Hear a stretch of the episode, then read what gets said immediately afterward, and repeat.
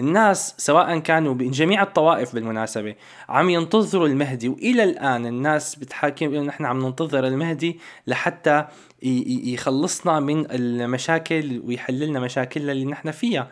وهذا أنا برأيي بيؤدي لأنه آه، لنوع من أنواع الكسل يعني أو الإرجاء آه، للأمور اللي لازم نحن كبشر نعملها بإيدنا وما ننتظر حدا يساويها.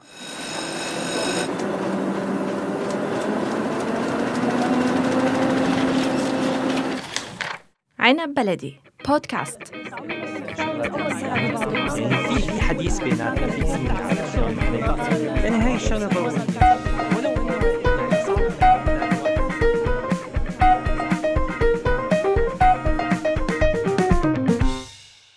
مرحبا.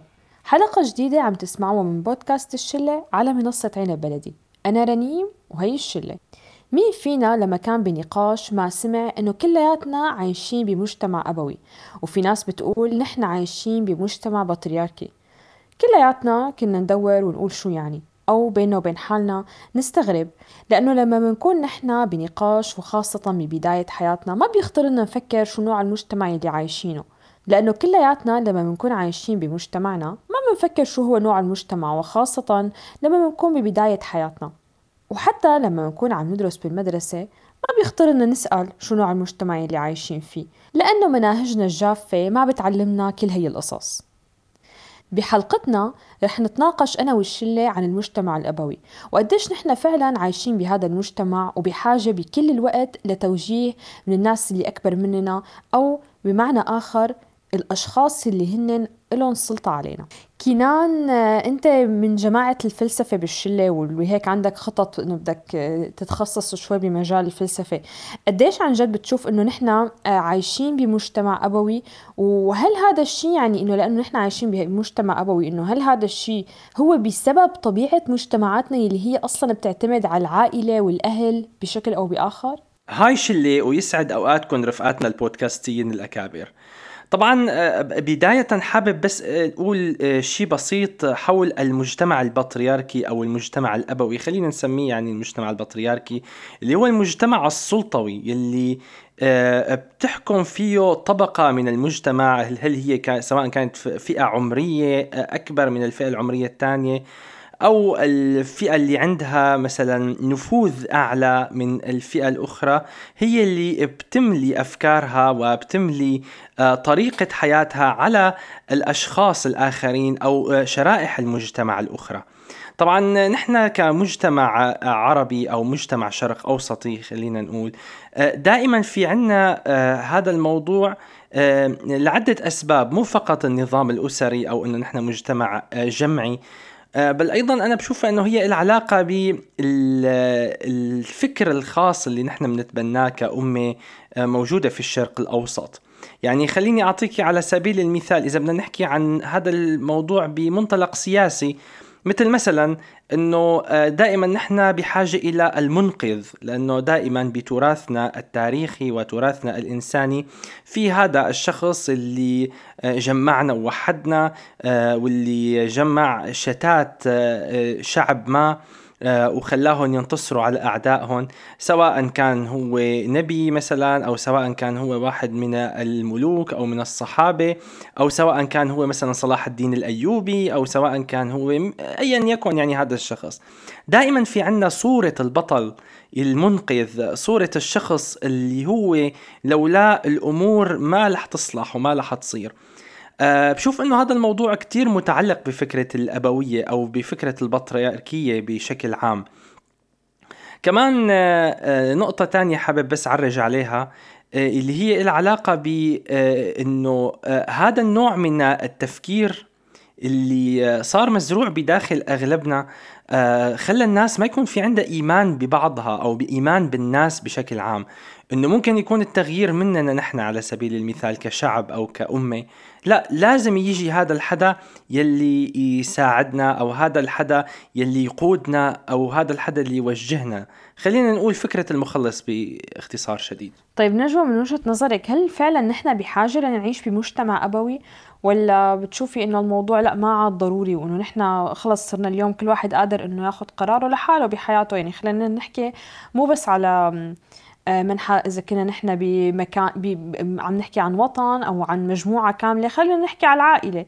هل نحن اليوم بحاجة فعلا ليجي حدا ياخذ القرار عننا إذا كان أكبر مننا ولا خلص صار الوقت إنه نحن آه، ناخذ قراراتنا لحالنا؟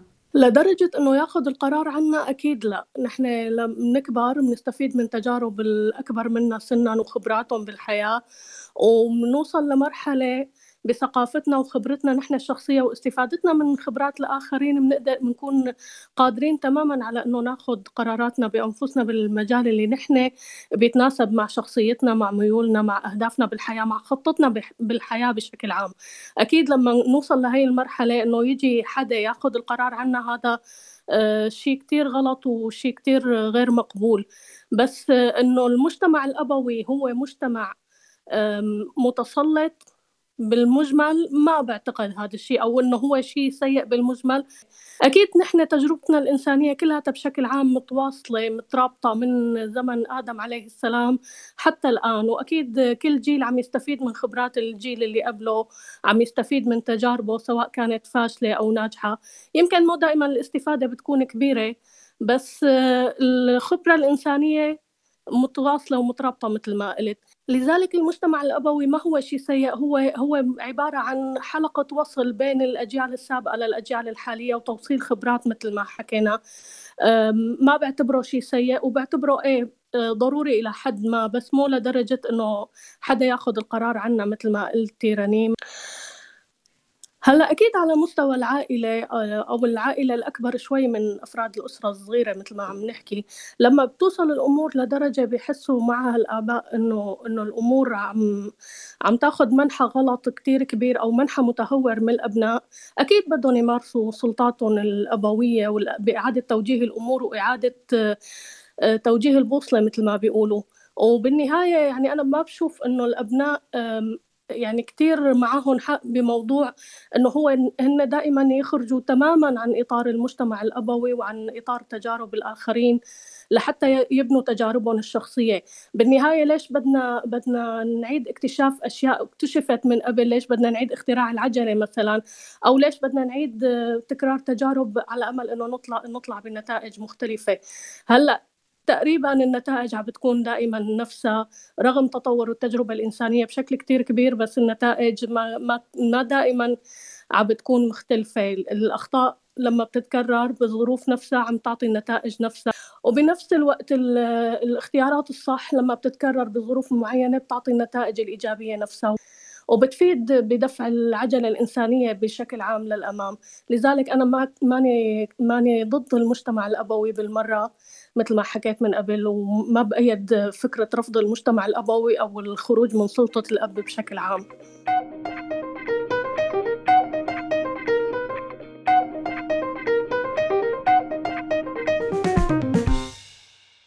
طيب ما بين نجوى حكت على الإيجابيات وفي كتير ناس بتشوف قديش في سلبيات للمجتمع الأبوي.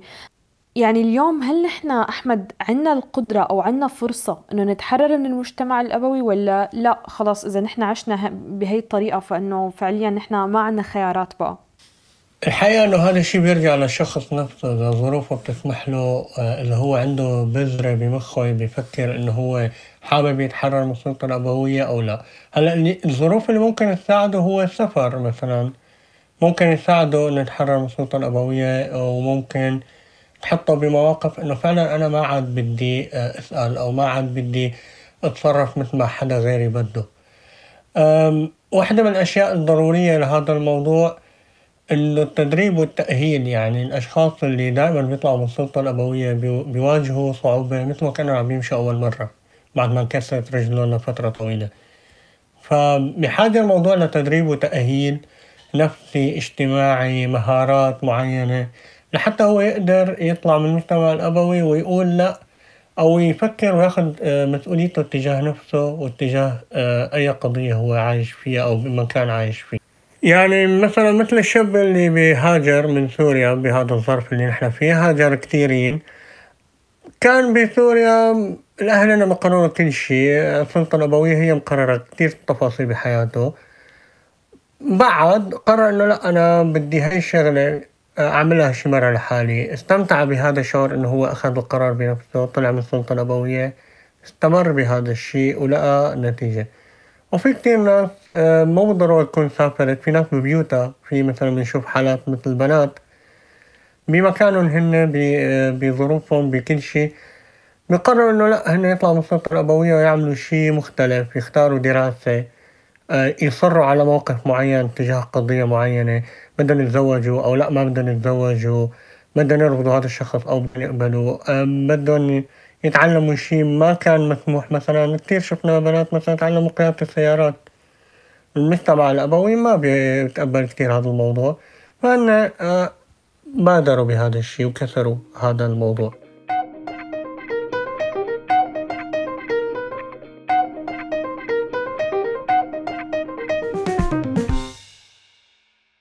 مريم انت دائما مثالنا بالشلة لأنه يعني لما انتقلتي من سوريا كنتي تقريبا هيك صبية صغيرة. آه، فعشتي تجارب كتير تجربة السوريين وتجربة الناس اللي خليني أقول اللي عايشين بأوروبا كمان بنفس الوقت.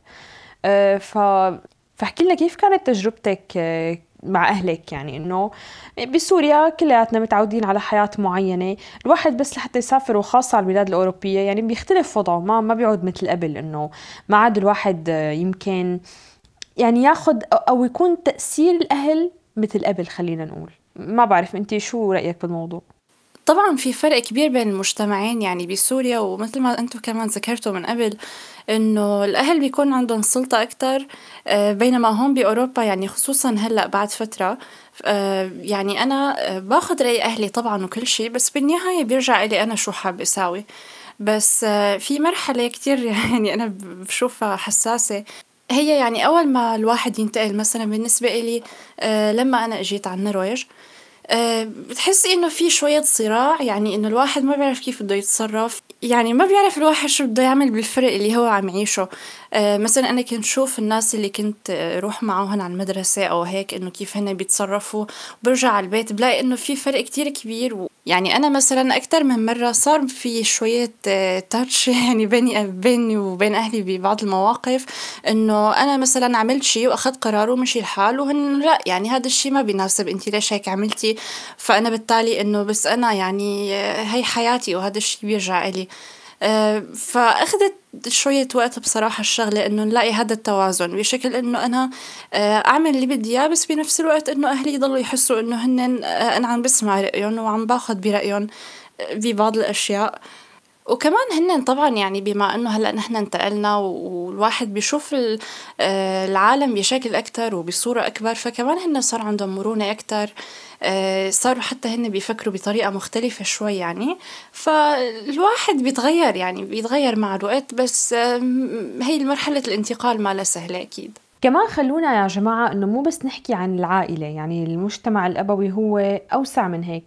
آه، أحمد مثلا دائما بنشوف اعتراض الحركات النسوية وخاصة الحركات النسوية بأوروبا أول ما بلشوا اعتراضهم على المجتمع البطريركي وبيشوفوه إنه هو مو بس كسلطة عائلية إنه هو سلطة الذكر على الأنثى بشكل عام. إيه تماما. أنا ما بدي يعني ما ما ماني متفق مع آه، تعريف الأبوية اللي اليوم نحن عم نعيشه آه، أو اللي الناس اليوم عم تحاول تختزله بأنه نحن نفكر إنه كلمة الأب هي بترجع للوالد آه، أو رب الأسرة البسيط آه، اللي هو ممكن نسقطه على شخص. لا هي المسألة مو مسألة شخص هي المسألة مسألة منظومة. منظومة سياسية منظومة جندرية منظومة سلطوية منظومة حتى أحيانا بتكون قانونية. يعني في كتير دول لليوم عم آه تظبط بالقوانين اللي تشيل سلطة الذكر أو سلطة الأب أو سلطة آه آه خلينا نقول رجال الدين سلطة آه رجال الدولة بمكان معين. فالفكرة إنه هي هي منظوم منظومة أبوية منظومة فرض الرأي منظومة أخذ الإذن. من بداية الحكي كن يعني عم ينحكى عن موضوع أخذ القرار أو موضوع الرأي بس أنا بحب أطرح يعني الفكرة من ناحية تانية بالعكس إنه آه، آه، المقصود اليوم بفكرة الأبوية أكثر من فكرة اتخاذ قرار أو فكرة استقلالية. آه، نحن بدنا نخلص من فكرة أخذ الإذن. يعني اليوم لما الشخص بيقول إنه هو ضد الأبوية هو مو ضد إنه والله ننقل تجارب آه، آه، الأب أو ننقل تجارب الأجيال. أو ناخذ برأي كبار القوم. آه، لا هي الفكرة إنه أنا ممكن اخذ رأيه وممكن أقرأ تجربته وممكن أعمل كل هذا بس بدون ما أعتمد على إذنه إنه هو يقول لي اعمل ولا تعمل ساوي ولا تساوي وأنا وقف عند هذا الموضوع.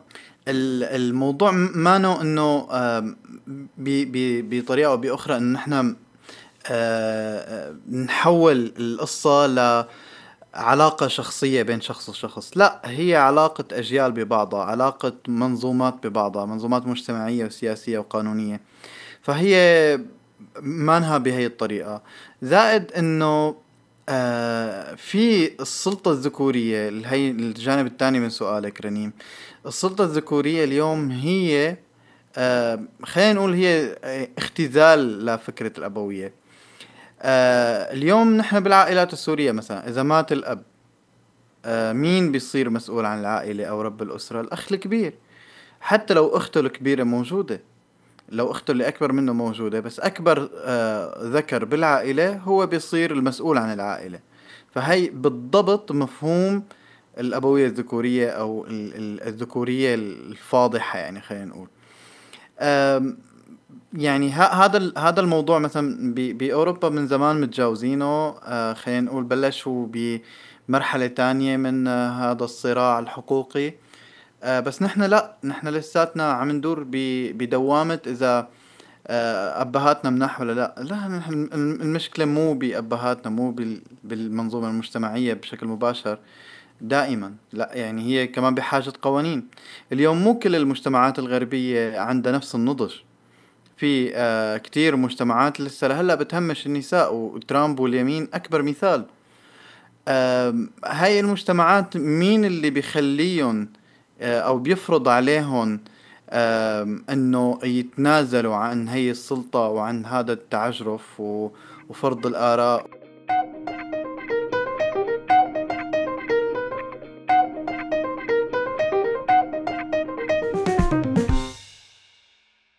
طيب شو اللي خلونا نتناقش بموضوع المجتمع الأبوي والدين؟ دائما بنسمع أنه نحن كأشخاص متدينين بحاجة لحدا يوجهنا نوعا ما وفي ناس بتقول حتى مو نوعا ما أنه نحن بحاجة لكبير يوجهنا آه، ويقلنا شو لازم نساوي. قديش أنتم برأيكم أنه عن جد نحن لحتى نكون مؤمنين أنه بحاجة لحدا يوجهنا؟ ونحن أنه نلتزم بالكلام اللي آه، الشخص اللي هو يمكن أكبر مننا أو بيعرف أكثر مننا أنه ناخذ قراراتنا منه أو آراءه بحياتنا نوعا ما كمان. هلا خليني رنيم ما أحكي أنا مثلا عن ديانة معينة بذاتها بس حابب أقول إنه بشكل عام آه، جميع الديانات الإبراهيمية بتنادي بفكرة التسلسل أو التراتب العمري مثلا أو الأقدمية أو حتى آه، دائما بتلاقي إنه في عندك فكرة الأشخاص اللي هم اللي بيعرفوا أكثر من غيرهم سواء هم مثلا الإكليروس آه، بالديانة المسيحية أو خلينا نقول أهل الذكر أو الأئمة أو العلماء بالديانة الإسلامية على سبيل المثال. إنه هم اللي بيقرروا تقريبا كل شيء. يعني أنت في عندك فترات واسعة من الحقبة الإسلامية اللي امتدت حوالي 1500 سنة يعني تقريبا. بتلاقي إنه آه، رجال الدين آه، سيطروا وبشكل كتير كبير على مفاصل آه، حياة البشر بتلك الفترة. آه، أنا بعطي مثال بسيط على هذا الموضوع اللي هو موضوع مثلا القهوة. مثلا خلينا نحكي على موضوع أنه دخلت القهوة من إثيوبيا وإفريقيا إلى آه، المشرق العربي أو المشرق الإسلامي. أه تخيلوا إنه اللي قرر هل القهوة ممكن إنه نستخدمها ولا لا؟ رجال الدين. آه مثلا موضوع الطباعة آه اللي تأخرت آه عشرات من السنوات للدخول إلى العالم الإسلامي فقط بسبب آه فتوى يعني من آه، أحدهم قال إنه لا آه، الطباعة غير مسموح فيها مشان ما يصير في آه، يعني آه، أخطاء بكتابة القرآن مثلا أو شيء. يعني كان في عدة آه، حجج حول هذا الموضوع. وقيسي على هذا الشيء أي شيء يعني. أغلب الناس بشوف أنا حسب يعني معايشتي مثلا الشخصية للناس اللي حوالينا إنه أي شيء بيصير معاهم بحياتهم بيحاولوا إنه يسألوا إنه خلينا نسأل شيخ أو خلينا نسأل حدا بيعرف. هي فكرة الحدا اللي بيعرف اللي أنا لازم أسأله لحتى يقرر لي أنا شو لازم يصير بحياتي هي هي المشكلة يعني. هذا ترسيخ لفكرة المجتمع البطريركي أه ولو إنه مثلا بالديانة الإسلامية نحن بنقول إنه لا نحن الإنسان لازم يكون هو لحاله يقرر ويفكر بعقله مثلا ولا كذا بس الفكرة هي لا. إنه أنت لازم تسأل لحتى تعرف لأنه أغلب الأمور هي عبارة عن أشياء أنت بنفسك ما راح تقدر تفهمها. وحتى أنت وقت عم تروح وتسأل وتتعرف فأنت بالنهاية عم تقرأ كتاب الفه حدا هو المسؤول أو هو المسؤول عن الكلام اللي كاتبه وأنت عم تقتبسه أو أنت عم تقتبسيه وتاخذيه منه وتتعلميه منه وبالنهاية هو اللي كتبه وتعلمه من حدا تاني والحدا تاني تعلمه من حدا قبله وهكذا. آه فالموضوع ببساطة هو ترسيخ للفكر البطريركي. حتى فكرة القائد أو فكرة المخلص لاحظوا أنتم يا جماعة أنه بالتراث الإسلامي أو المسيحي أو اليهودي في فكرة المخلص اللي بده يجي بآخر الزمان يلي يحقق العدل. يعني نحن كمسلمين من أيام نهاية الدولة الأموية والناس عم تقول بده يطلع المهدي ويخلصنا. الناس سواء كانوا من جميع الطوائف بالمناسبة عم ينتظروا المهدي وإلى الآن الناس بتحاكم إنه نحن عم ننتظر المهدي لحتى يخلصنا من المشاكل ويحل لنا مشاكلنا اللي نحن فيها. وهذا أنا برأيي بيؤدي لأنه آه، لنوع من أنواع الكسل يعني أو الإرجاء آه، للأمور اللي لازم نحن كبشر نعملها بإيدنا وما ننتظر حدا يساويها. هلأ بالنسبة لرجال الدين بالحياة ورأيهم وسلطتهم الأبوية مثل ما عم تحكوا هي تماما مثل سلطة أي شخص عنده خبرة أي شخص قضى حياته آه، عم يتعلم شيء معين باتجاه معين. يعني نحن كبشر لما بدنا نبني آه، مشفى أو نبني بيت أو آه، نبني أي منشأة ما أكيد رح نلجأ للمهندسين لأصحاب الخبرة لأصحاب العلم لحتى يفيدونا بهذا الموضوع. وأكثر من هيك نحن بنحاول ندور على أفضل ناس بهذا المجال. نفس الشيء بالنسبة للطب لما الإنسان بيعاني من أمراض بيعاني من مشاكل صحية أكيد بده يدور على أفضل طبيب يدور على الطبيب اللي آه، دارس أكثر معه شهادات أكثر عامل كورسات أكثر متعمق أكثر عنده خبرة أكثر. وسمعته كمان جيدة وعنده شهرة وعامل أشياء مؤلف كتب ممكن بهذا المجال أكيد بندور عليه لحتى نحن نستفيد من خبرته الصحية بأي مشكلة نحن عم نعاني منها. نفس الشيء بالنسبة لرجال الدين. أكيد نحن بحاجة لرجال الدين لحتى نستفيد من علمهم لأنه هن ناس قضوا حياتهم عم عم يبحثوا بهي العلوم الشرعية عم يبحثوا بمسائل نحن يمكن انشغلنا آه، عنها بمجريات حياتنا اليومية. بس لما من منواجه أمر ما أكيد نحن ما عندنا الخبرة اللي هن عندهم إياها لأنه هن ناس درسوا تعمقوا قضوا حياتهم عم بيدرسوا بهذا المجال قضوا حياتهم عم بيحاولوا يستخلصوا أفضل شيء بالنسبة إلنا. آه، فليش نحن حتى ما نستفيد من خبراتهم مثل ما بنستفيد من خبرات أي ناس تانية بأي مجال تاني. آه، علمي أو صحي أو آه، أي شيء تاني. حتى بالقرآن نازلة فاسألوا أهل الذكر إن كنتم لا تعلمون. ونحن كمسلمين مرجعيتنا العليا أكيد هي الله عز وجل ومن بعده الرسول عليه الصلاة والسلام اللي اللي فسر كل التعاليم الإسلامية وفسر لنا الشرع كله. وأخذنا نحن من من نهجه بالحياة من أقواله من أفعاله. أخذنا منه السنة واللي مشينا عليها ورح نمشي عليها ليوم القيامة بإذن الله. وحتى بالقرآن بسورة النساء ورد هذا الشيء بشكل واضح. فلا وربك لا يؤمنون حتى يحكموك فيما شجر بينهم ثم لا يجدوا في أنفسهم حرجا مما قضيت ويسلموا تسليما. هاي الآية بتشير بت بتدلنا بوضوح إنه الإسلام والإيمان الحقيقي هو إنه نحن نأخذ الشرع من محمد عليه الصلاة والسلام ونسلم تس... تمام التسليم بهذا الشرع أو بهذا الحكم اللي أنزله رب العالمين وفسر لنا إياه الرسول عليه الصلاة والسلام. تماما مثل ما كانوا الصحابة على زمن الرسول يرجعوا له بكل الأمور ويستشيروه وياخذوا رأيه وياخذوا حكمه بكل الأمور حتى بالخلافات الشخصية بيناتهم لأنه الشرع هو مو بس نزل لحتى ينظم علاقة الناس برب العالمين. الشرع كمان نزل الشرع كمان نزل لحتى ينظم حياتنا كلياتنا بشكل عام وينظم علاقات الناس بين بعضهم بشكل يومي. أنا بختلف مع هي وجهة النظر الأولى اللي طرحتها نجوى اللي هي بموضوع الدكتور والخبير وهذا هذا المثل تبع فاسألوا من كان بها خبيرا وأكبر منك بيوم أعلى منك بسنة. وكل هي الشغلات اللي بتعزز هي الثقافة وبتوسعها وبتخلينا عايشينا يعني أجيال لقدام من كتر ما بتعملنا عقاد. وهذا هذا الشيء صراحة ما منطقي وفعلا هو بيوقف الحياة بمكان معين. آه مثل ما حكى كينان قبل على على مثل الطابعة أو أو مثل ال ال القهوة. آه موضوع التطور عم يوقف عم يوقف لما لما آه في حدا عم ياخد قرار عن كل الناس. فما عم نقدر نواكب ما عم نقدر نمشي نتقدم. يعني شلون بدنا يعني أنا ما بعرف ما ما ما بفهمها هي المعادلة إنه ممكن امه آه، تعتبر حالها على رأس الأمم وبدها توصل للقمة. وهي ما قدرانه تواكب حتى ال ال يعني القطار اللي ماشية فيه الأمم اللي, فوق. يعني هي ما قدرانة توصل للعرباية الأخيرة بالقطار لحتى آه، توصل للمقدمة. يعني وهذا الشيء بيحد بيحد التطور. ما يعني هو مو الموضوع بس بالقوة أحمد يعني هون يمكن يجي حدا يقول لك إنه أنت عم تحكي عن شغلة ما دخلها بالمجتمع الأبوي وإنه آه خلينا نحن نفصل الدين عن عن هذا الموضوع يعني. لا لا لا ليش؟ لأنه تعي تعي أنا بدي أقول لك شغلة.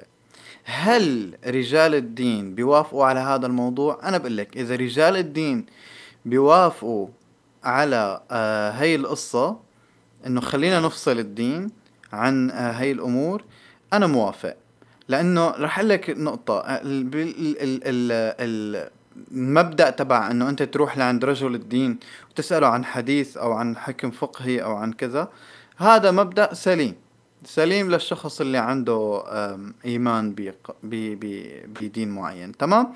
ولكن ولكن لما يفوت رجل الدين لتفاصيل حياتي تفاصيل حياتي شو لازم ألبس وما لازم ألبس شو لا كيف لازم تكون تسريحة شعري هاي التسريحة تسريحة كفار وهي المدري شو لما تفوت الأمور لسلوكياتي بطريقة شوي اوفر ما بدي أقول أنا إنه والله الأديان ما حسنت سلوكيات البشر على على مر العصور بلا الأديان ساهمت بطريقة أو بأخرى. الفلسفات الدينية خلينا نقول ساهمت إنه آه، فعلا في سلوكيات عند البني آدمين تتحسن مثل الصدق الأمانة السلام التسامح وإلى آخره. ولكن كمان في الجانب الثاني للأديان لهي الفلسفات الجانب القمعي اللي الناس ما بتنتبه له كتير أو الناس آه، خلينا نقول بتربطه آه، إذا ما بدي يكون يعني كتير متطرف الناس بتربطه بالدين بشكل مباشر. حرام كلمة حرام كلمة كافر. هاي المفاهيم هاي المفاهيم عم تكون شوي عبء على ال على ال على الأجيال اليوم. عم تكون عبء على حاملي لواء التطور خلينا نقول. الناس اللي بدها توصل ل للعرباية الأخيرة بالقطار. الناس اللي بدها تعيش حياتها اليومية وهي ما أنا شايلة هم إنه أنا بسبب كلمة ممكن روح على جهنم. أو بسبب كذا أنا لازم صوم مدري كم يوم بسبب مدري شو لازم أنا أعيش كل هاي المآسي والعقد النفسية. ما يعني ماني ماني هون عم عم اوفر الموضوع لحتى يعني نطلع في في خطأ بالدين. بس لا أنا بقول لك إنه إذا رجال الدين بيلتزموا فقط بما هن خبراء فيه يعني لما يجي الرجل المحدث يلتزم بعلم الحديث بدون ما يصدر فتاوي يمين ويسار ويترك الدين يمشي ويتطور مثل ما الرسول تركه. بمعنى إنه آه، الرسول ما أعطى آه، آه، الدفة لحدا وقال هذا يعني رح تاخذوا دينكم منه. لا هو هو يعني أشار لصفات معينة بعدد من الصحابة ولكن ما أعطى الدفة كاملة إنه هذا بتاخذوا منه دينكم لا هذا الشيء خطأ. واليوم نحن عم نرتكب هذا الخطأ. اليوم نحن يعني قبل 1400 سنة كان الصحابة عندهم محمد واحد. آه، أنا آسف إذا كان هذا الشيء شوي اكستريم بس بس فعل فعليا اللي عم نعيشه اليوم اليوم الناس عندها كل إمام هو محمد خاص. ليش؟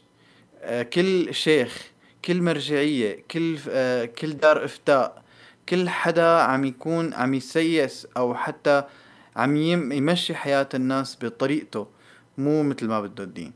وأكبر دليل إنه في حكومات عم تفصل فتاوي تفصيل يعني هذا الشيء ما مخبى وعم نعيشه. يعني هي هي القصص أنا أنا بس بتمنى إنه الناس يعني تطلع عليها. اليوم الكل الكل آه، قادر يفتح القرآن ويدرس القرآن ويدرس الحديث والفقه. آه، مو لازم يكون عالم مو لازم يكون علامة بس هو يدرس أموره الشخصية. ما يجي حدا يقرر عنه شو لازم يلبس وشو ما لازم يلبس. وهذا كتير له علاقة بفكرة إنه آه في حدا واحد عم يقرر عن مجموعة. اليوم مثلا كلنا يعني ما بعرف إذا بالفترة الأخيرة تابعتوا فكرة الدار الإفتاء المصرية. الفتاوي الأخيرة اللي عم يطلعوها عم تفوت بأمور آه يعني بأمور غريبة يعني بموضوع التيك توك ولا مواضيع عجيبة يا جماعة. يعني اليوم في مجموعة من الأشخاص عم يجتمعوا ليقرروا كيف لازم تستخدم ال social media. مو مو مو إنه بالقانون أو إنه والله لازم نحمي ناس من التنمر أو إنه كذا لا عم يجيبوا شغلات لها علاقة بحر يعني بحرية التعبير. ما يعني ما لها علاقة. يعني اليوم أنا لما أشوف قوانين منظمة لل social media ببعض الدول أه بلاقيها حلوة إنه بتحمي من التنمر أه بتحمي من الأشياء ال fake الوهمية أه بتحمي الأشخاص من من السرقة بتحمي الأشخاص من أه من كتير أشياء من النصب والاحتيال أه من الهاكر. بس بس أه مثلا الفتاوي اللي عم تطلع من دار الإفتاء المصرية عم تكون ما لها علاقة بهذا الموضوع عم تكون تتدخل بحرية التعبير بشكل مباشر. فهون يعني الفتوى نفسها غير قانونية فعليا. اذا بدنا نقول إنه دستور الدولة علماني ف هذا اللي يعني هذا اللي أنا ما ما عم بقدر استوعبه من المتدينين لما يجي يقول لي إنه آه أنت لما تمرض بتروح على الدكتور فأنت لما بدك معلومة دينية بتروح لعند آه رجل دين. لا الدكتور بيفهم بالطب ما بيتفلسف إلا بالطب. في دكاترة بيتفلسفوا ببعض المجالات بس ما بيقول أنا خبير فيها أو أنا عالم بالمجال الفلاني. ما يعني ممكن إنه يكتب كتاب ويعمل خواطر ويعمل أشياء وكذا أشياء جانبية ويمارس رياضته يعيش حياته الفكرية بطريقة عادية بدون ما يقول إنه أنا عالم بكل شيء. هو طبيب بالنهاية. المشايخ؟ لا. المشايخ ما شاء الله يعني في شيخ بتعرفه وبعرفه بدون ما نسمي أسامي بيفهم بالفلك. وبيفهم بالطب وبيفهم بال... بال... بأعماق البحار بيفهم بعلم الاجتماع بيفهم بكل شيء. وكل محاضرة لإله ما شاء الله بتلاقي أمم أمم. و... وهذا البني آدم بيحكي معلومات ما إلى أي أي أساس من الصحة. ممكن كتير من معلوماته صحيحة ولكن كمان في معلومات مضللة. وفي معلومات أبدا مو صحيحة. ف يعني لما يتنازلوا رجال الدين عن هذا المبدأ تبع إنه هن ما يتدخلوا بكل شيء ففعلا بقول لك والله إنه إيه بنفصل هاي الأشياء عن الدين. في جانب تاني من الدين دائما بيتم إغفاله بشكل متعمد أو غير متعمد ما بعرف. اللي هو حرية الشخص بإنه يفكر حريته بإنه يعني بكثير مواضع بالقرآن وبيقولوا إنه عدد هاي المواضع فوق المية. إنه ضرورة التعقل التفكر الفهم إلى آخره. فلما أنا بدي أحكي بأي شيء ديني ويجيني حدا يقول لي إنه أنت مين؟ أنت شو دارس لحتى تحكي؟ طب وين المشكلة؟ إذا أنا آه، لغتي عربية آه، ماسك القرآن قريته أخذت الآية اطلعت على بعض الأمور. وخاصة إنه الدين فيه اختلاف كبير. فليش أنا ملزم بإني أتصل بالشيخ وآخذ حياتي من هذا الشخص؟ بس لمجرد إنه هو درس وأنا ما درست مثلا. ما أنا عم بحكي عن شيء بخص حياتي أنا ما عم بحكي للناس أنا عم بحكي عن شيء بخص حياتي. خاصة إنه نحن مثل ما قال أحمد عم ندخل الدين بكل شيء. يعني في مبادئ آه، مفيدة بحياة الإنسان ممكن الإنسان يستخلصها بالدين إنه ما يضر حدا وما حد يضره. وهذا الشيء متفق عليه تمام؟ فأنا ممكن آخذ إذا صار معي موقف يومي ممكن آخذ هذا الشيء بفطرتي أنا بمعلومتي أنا عن الدين إني أعمل هذا الشيء. ما بالضرورة أنا أدور إنه أنا فيني ألبس هي الكنزة أو لا أو فيني أقص هي الشغلة أو لا أو فيني أعمل هيك أو لا. ما هي المشكلة آه، دائما عم بتكون إنه أنت غير مؤهل أنت ما مسمح لك تحكي. بس هدول الناس اللي مسمح لهم هدول الأشخاص كتروا لدرجة إنه هم اختلفوا من بعض. طب أنا هذا الاختلاف آه، بيلزمني إنه أكون مع أشخاص. هذا عدا عن التسييس عدا عن الأدلجة عدا عن كتير أمور خطيرة أكثر من هيك بس باختصار إنه نحن لازم نتحرر من السلطة الأبوية الدينية ونخلي الدين بمجاله أنا فيني أروح لعند شيخ أسأله عن مسألة فقهية بتخص الصلاة. بس ما بالضرورة أسأل عن تفاصيل حياتي. اللي أنا صاحب المصلحة فيها وأنا صاحب المعيشة فيها وخاصة بوجود المبادئ الأساسية للدين. شغلة كمان يا جماعة إنه إنه لو نطلع مثلا على الدكاترة أو على أي تخصص تاني غير التخصصات الدينية خلينا نقول آه سواء بالإسلام أو بأي دين تاني آه التخصصات التانية ما بتمنع حدا إنه يحكي فيها. يعني أنا بعمري ما سمعت دكتور قال للعالم إنه والله لا تتفلسفوا بالطب. بالعكس دائما بتفك... بتحسوا إنه الدكاترة مثلا بيحبوا يشرحوا للعالم عن عن الأشياء آه اللي بيعيشوها عن العمليات عن تركيبة المواد عن الجسم عن كذا. بيحبوا يثقفوا العالم بيحبوا آه إنه الناس تطلع على مجالهم ويكون عندهم الوعي اللي يساعدهم كأطباء خاصة بعد بعد الكورونا. يعني اليوم بعد الكورونا اللي داعم الدكاترة بالمقام الأول هو آه تعويلهم على آه وعي العالم. إنه إنه لازم نوعي العالم لازم نصحيهم لازم كذا. بالمقابل آه رجل الدين بتحس إنه لا هو بيعتبر حاله ما بيدعي الناس لتتفكر ما بيدعي ما بيعطيك المعلومة بيور ما بيعطيك إياها صافية. بيعطيك إياها باجتهاده بيعطيك إياها ب بخلاص تجربته هو. ما بيعطيك المعلومة بيقول لك روح ابحث أو روح دور أو روح كذا. زائد مثلا إنه بالتخصصات الثانية بما إنه الطب هو اللي هلأ بمجال المقارنة كمان ما بيمنعوا حدا من خارج المجال إنه يبحث. اليوم كلنا نحن بنعرف آه، آه، آه، ايميلات فاوتشي والشخص الباحث الأهبل هذا اللي بعت له تركيبة الكورونا على أساس إنه هو مصنع وكذا. والعالم اكتشفت فعلا إنه هذا البني آدم لا باحث ولا بطيخ. هو باعت تركيبة السارس تبع 2005 اللي اللي يعني مقال منشور من 2005 فهو بس نسخها مثل ما هي وراح بعت له إياها على الإيميل وقال له ليك تركيبة الفيروس المصنع. آه هذا البني آدم ما حدا قال له لا تبحث وما حدا قال له أنت مانك باحث وما حدا قال له رغم إنه عم يضلل وعم ينشر معلومات كتير خاطئة. وين يعني؟ عم عم يرسل معلومات للشخص المسؤول أصلا عن إدارة ملف الكورونا بأمريكا بدولة عظمى. فما حدا قرب عليه. فعلي حرفيا ما حدا قرب عليه. يعني الكل اليوم هو بمجال نقاش مع العالم كلهم.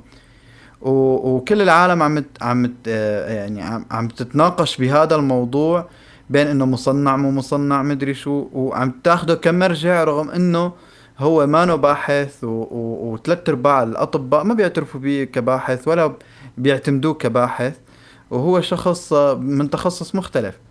بس ما حدا منعه ما حدا آه أوكي في اختلاف الكل بيصحح الكل كذا بس الكل محترمه ما حدا قلل ما حدا هانه ما حدا قلل احترامه ما حدا منعه هي النقطة اللي دائما نحن بنختلف فيها مع مع رجال الدين. في قصة آه في قصة صارت بسوريا مع آه أحد المشايخ اللي كانوا عم يفتوا إذا ما بعرف إذا تذكروها صارت من كم سنة آه اللي قال آه قال يعني وحدة إنه آه روحي على مبنى وزارة الأوقاف اطلعي وزتي حالك.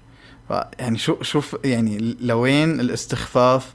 وعلى فكرة يعني هذا البني آدم مقدس عند أتباعه مقدس. يعني هذا الإنسان آه، عن جد هذا اللي بيحطوا له بتعرفوا بيحطوا له النشيدة تبع هل هل هل لك سر عند الله؟ فهذا البني آدم آه، أول شيء أطلق حكم شخصي. آه، تاني شيء عم يحرض على على الانتحار ه- يعني أقل ما يقال فيها سخيفة وتافهة و ما بعرف ما بعرف شلون بدي أوصفها. أب- هاي هي بحد ذاتها بتورجيك قديش الناس مثلا أو قديش هدول الناس بالذات ما عندهم ما- ما عندهم فعلا عقلانية باتخاذ آه، قرارات أو إنه والله يقرر والله لا تدخل تلفزيون على بيتك ولا شو بعرفني. ما ما عندهم عقلانيه بإنه والله يطلق أحكام إنه والله يفتي. وبالمناسبة الفتي عند المصريين يعني كذبها فيعني إخواننا المصريين ما قصروا. فالفكرة إنه ما حدا ما حدا فيهم بيفكر إنه أنا شو في بعد هاي الكلمة. زائد إنه لما يقول لك مثلا كلمة حرام بيقول لك حرام أنت مالك مالك الحق إنك تسأل ليش هذا الشيء حرام. أوكي أنا اقتنعت إنه حرام وما راح أعمل هذا الشيء ماشي؟ بس ليش حرام؟ أنت مالك الحق تسأل بهذا الشيء لأنه هو ما راح يشرح لك الأسباب ما راح يقول لك شو ولا راح يدعوك للتفكر ويقول لك والله واحد اثنين ثلاثة وشو بعرفني فهي الشغلات يعني بصراحة كتير بتخلي جاب وفراغ وهو واسعة جدا بين بين بين ال آه هذا يعني هي هذا التخصص وال- والتخصصات الثانية خلينا نقول إذا بدنا نقارنهم كتخصصات أو كخبراء.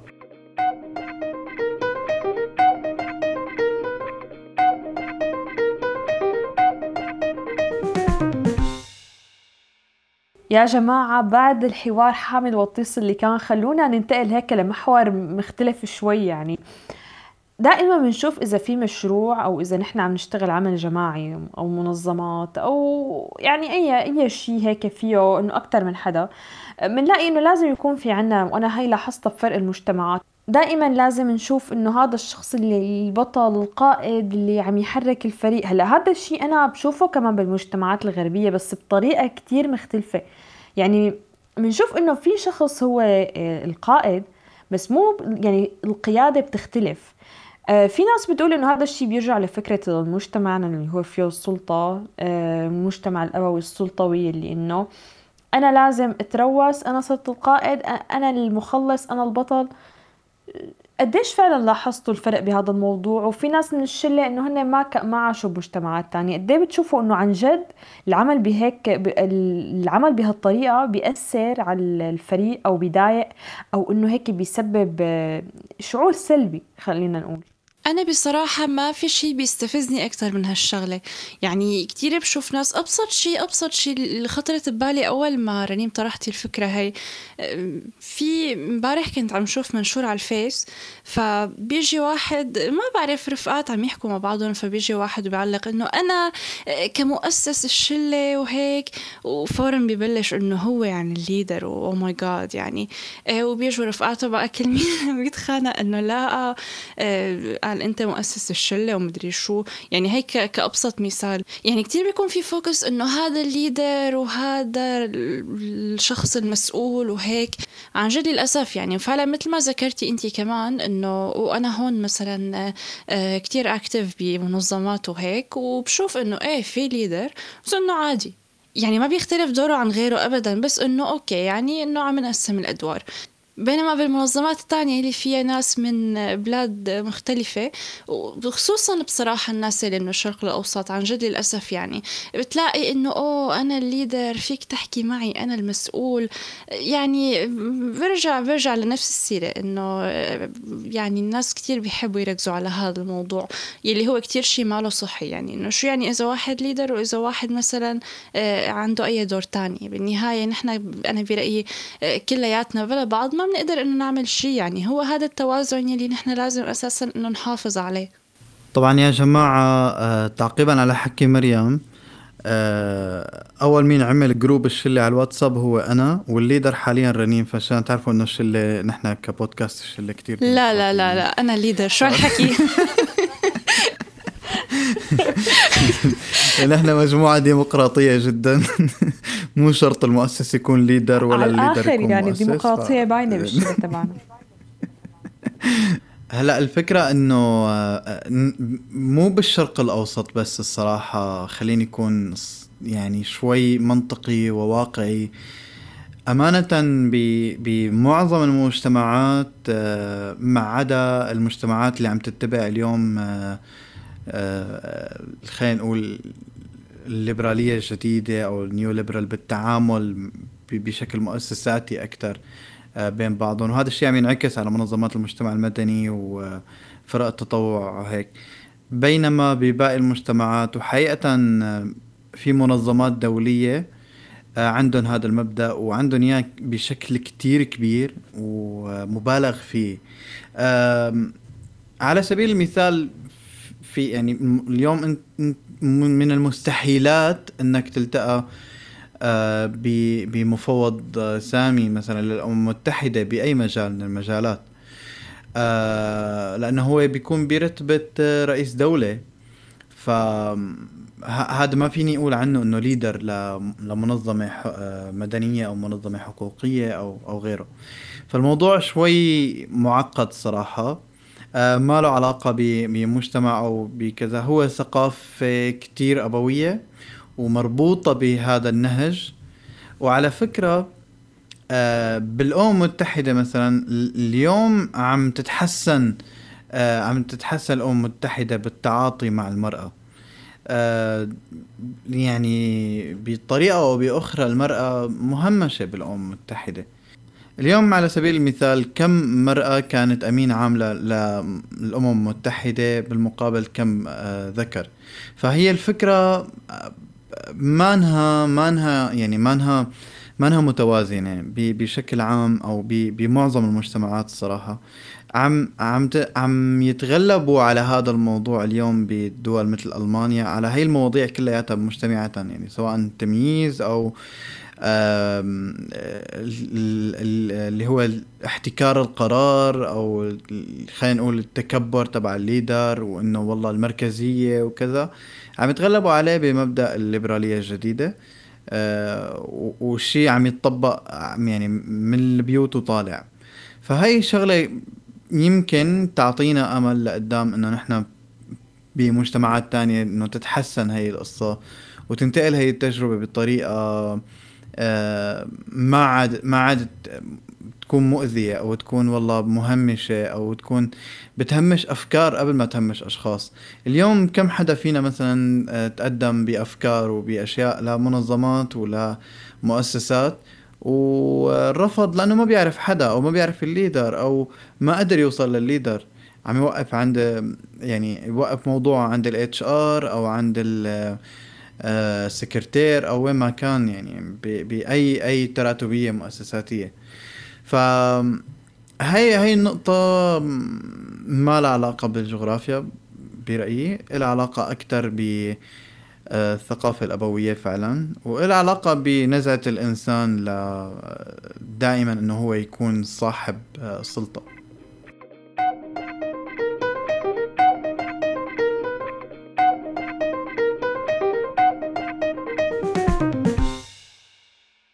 لكل مجتمع من المجتمعات سماته الخاصة.